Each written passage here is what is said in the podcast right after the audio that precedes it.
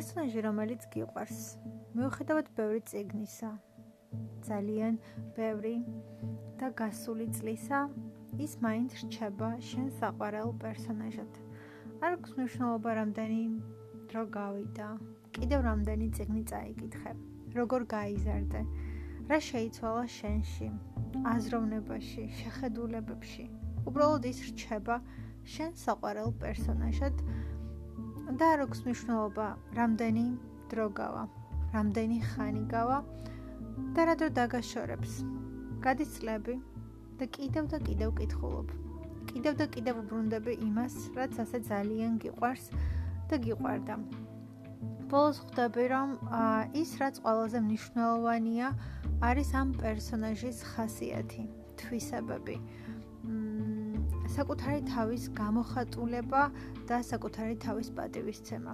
ძალიან ძალიან აა დიდი აა პასუხისმგებლობა საკუთარი თავის მიმართ და გარშემოყოფი ადამიანების მიმართ, სიძლიერე, რომელიც არის მასში და უნარი, რომ გადარჩენოდა ყველაფერს, რაც კი შეემთხვა და რაც კი მოხდა საერთოდ მის ცხოვრებაში და გაოცებს ეს სიძლიერე და ეს სიმტკიცე. გაოცებს ის თუ როგორ შეუძლია იყოს ძალიან მტკიცე და ურყევი.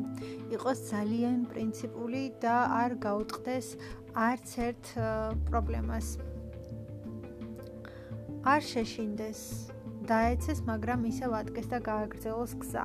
ყველაზე რთულ და ყველაზე კრიტიკულ შემთხვევებშიც კი მონახოს საკუთარ თავში ძალა, რომ გააგრძელოს გზა და ემოციები, ასე ვთქვათ, უკან დახიოს მაშინ, როდესაც საჭიროა, რომ გონება, გონება წინ წამოწიოს. მაშინ, როდესაც ხვდება, რომ რაციონალურად უნდა მიიღოს გადაწყვეტილება და ამ შემთხვევაში გრძნობები არაფერ შუაშია, ყოველ შემთხვევაში ცოტა უკან უნდა დაწიოს. საკუთარ თავზე და საყვარელ ადამიანებზე ზრუნვა და სიკეთის გამოხატულება სიკეთის გამოხატულება, რომელიც უნდა რომ გაუკეთოს ყოველას, ყოველას ვინც მის გარშემოა და ზოგადად ზრუნვა ადამიანებზე. აა ზრუნვა თუნდაც იმით, რომ გახსნას სკოლა და ასწავლოს სხვა გოგონებს თუ ბიჭებს ასწავლოს რომ გაუმკლავდნენ ცხოვრებას რომ იყვნენ უფრო ძლიერები და რომ კონდეთ უკეთესი მომავალი და ყოველ შემთხვევაში შესაძლებლობები და არ იყვნენ დაჩაგრულები. ზრუნვა სხვა ადამიანებზე და ძალიან ძალიან დიდი პასუხისმგებლობის გრძნობა საკუთარ თავზე აა როდესაც შეგიძლია რომ სხვა ადამიანები და შენთვის საყვარელი ადამიანები დააყენოს შენზე წინ.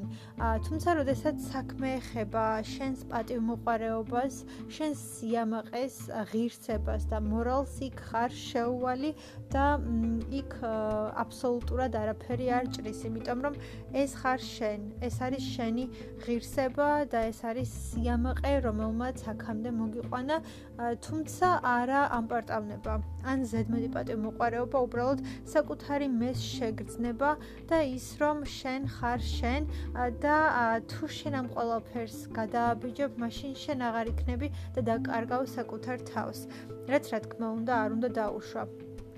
როდესაც ძალიან კარგად იცის და იაზრებს საკუთარი თავის ფასი, აა მნიშვნელობა და ზოგადად საკუთარი თავის ფასი ალბათ ყველაზე მეტად, იმიტომ რომ აა იცის რას წარმოადგენს სიცივის ვინ არის და იცის როგორ უნდა მოიქცეს. აა იცის რომ არავის არ უნდა მისცეს იმის უფლება რომ დაჩაგროს და არავის არ უნდა მისცეს იმის ნება რომ მასზე წინ დადგეს თუ ის ამას არ იმსახურებს ყოველ შემთხვევაში და არავის ნაკლებად არ მიაჩნია თავი.